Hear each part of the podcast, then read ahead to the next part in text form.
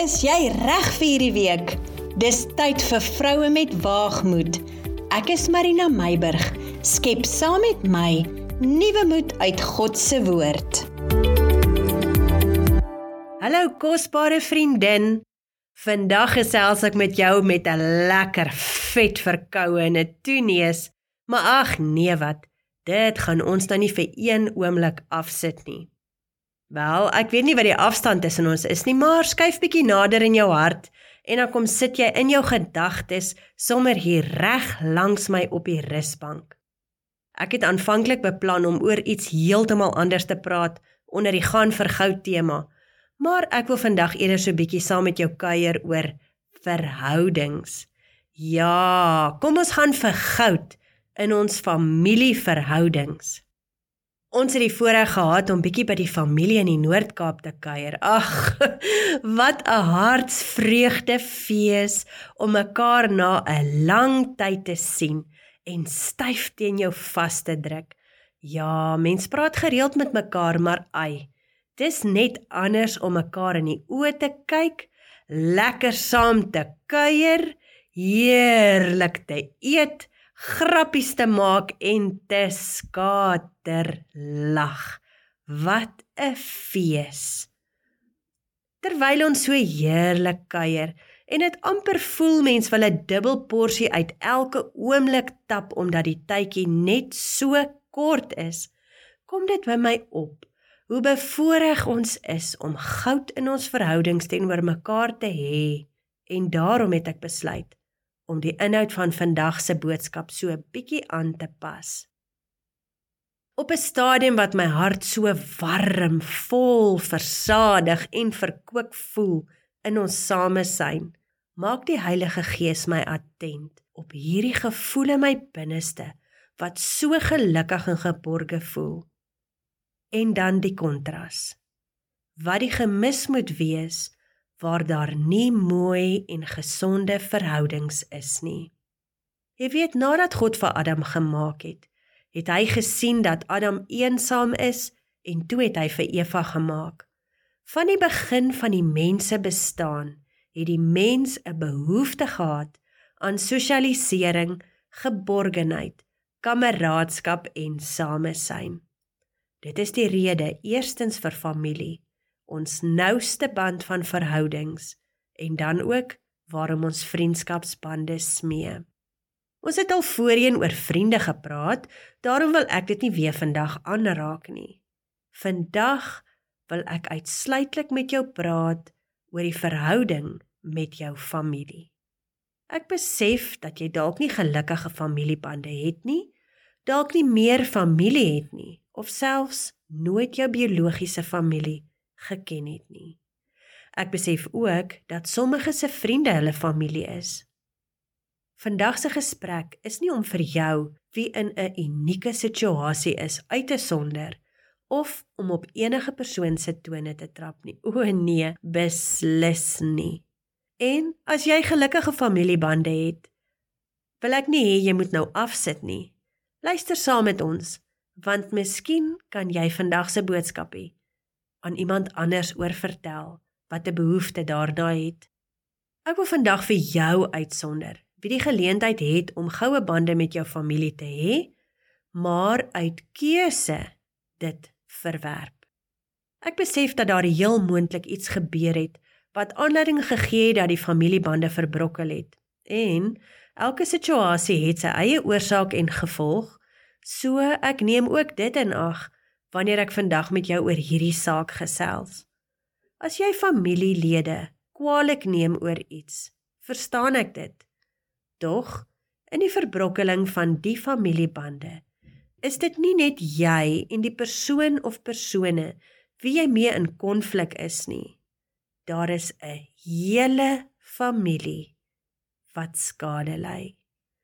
'n Hele familie wat nie saam om een tafel kan sit en eet nie.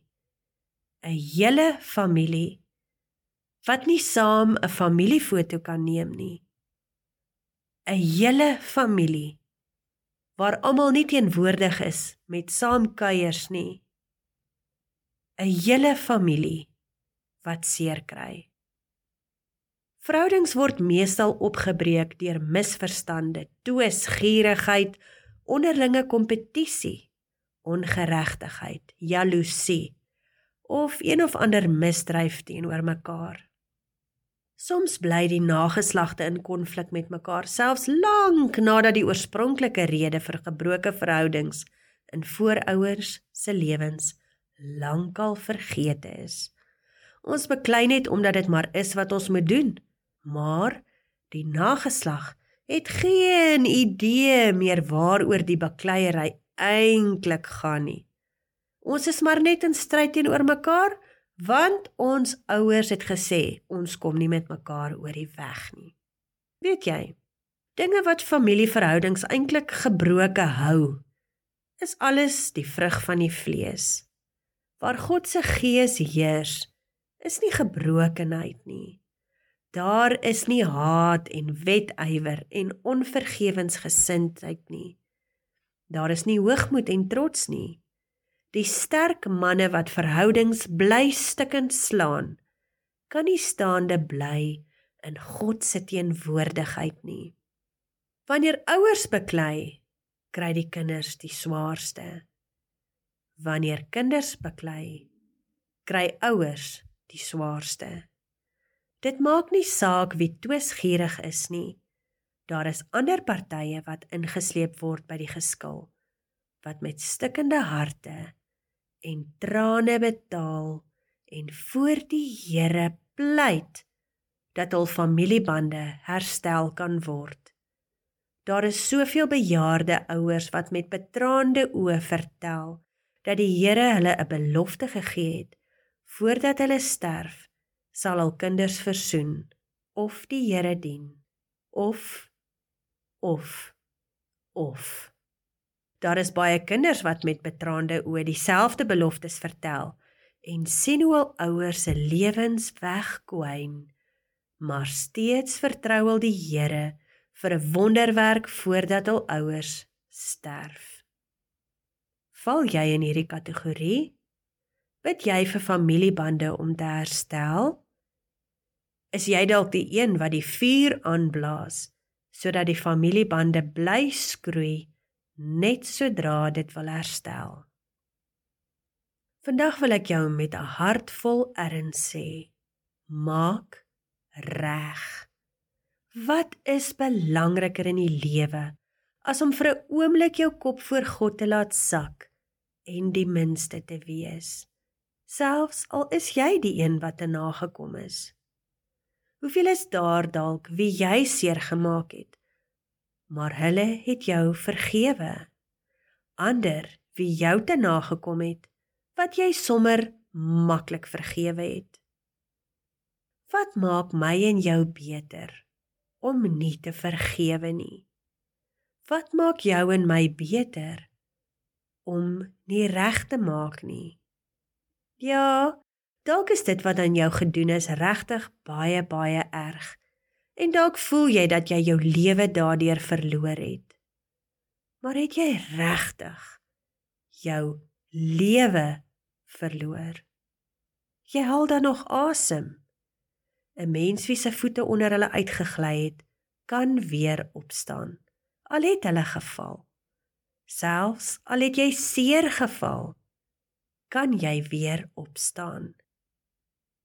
Die bloed wat in jou are loop, loop ook in die een wie jy verag se are. Julle bloed, julle familiebloed verbind julle aan mekaar. Maar julle verhard jou harte teenoor mekaar. Die bloed wat julle aan mekaar verbind was God se besluit want hy is die skepper. Hy het julle familie gemaak. Die harde harte wat julle skei is julle besluit. Nie God se sinne nie. God het dit so bewerk dat julle familie moet wees. Maar julle laat die vyand toe om die familieband wat God geskep het te verbreek. En as julle werklik, werklik, werklik eerlik moet wees, al jou trots uit die pad uit, al jou hoogmoed uit die pad uit, al jou selfregverdiging uit die pad uit. Daardie gebroke verhouding maak julle seer in julle trots, in julle haat, in julle onvergewensgesindheid. Daardie gebroke verhouding bring 'n leemte wat niemand anders kan vul nie. Vrou van waagmoed, ek wil jou vandag aanmoedig om met jou gebroke verhoudings na God toe te gaan en gee dit vir hom. Vra verskoning en vergifnis vir jou aandeel en dat hy jou hart sal sag maak sodat jy kan vergewe. Neem jou telefoon en maak die oproep. As jy nie die moed het om die oproep te maak nie, stuur ten minste 'n teks of 'n stemboodskap. Maak 'n begin. Begin om die mure af te breek as jy in die maag geskop word, vertrou die Here, maar moenie ophou nie. Dit mag dalk tyd neem. Maar vertrou die Here dat hy die saak sal beredder. Kom ons kyk gou na 'n paar aanmoedigings uit die woord van God. Romeine 12 vers 17 tot 18 sê: Vergeld niemand kwaad vir kwaad nie, bedink wat goed is vir alle mense. As dit moontlik is, sover as dit van julle afhang, leef in vrede met alle mense, ook jou familie. Psalm 133 vers 1 sê: Kyk hoe goed en hoe lieflik is dit dat broers ook saamwoon. Ek kan vir jou sê, dis goud in jou familiebande. Kolossense 3 vers 13 sê: Verdra mekaar en vergewe mekaar as die een teen die ander 'n klag het. Hoe moet ons dit doen? Soos Christus julle vergewe het, so moet julle ook doen. Nou Jesus het sy lewe gegee. Sal jy so kan vergewe dat jy bereid is om jou lewe te gee? Dis nogals 'n bietjie 'n gedagte vir 'n ander dag. Vriendin, ek wil jou regtig vandag bemoedig.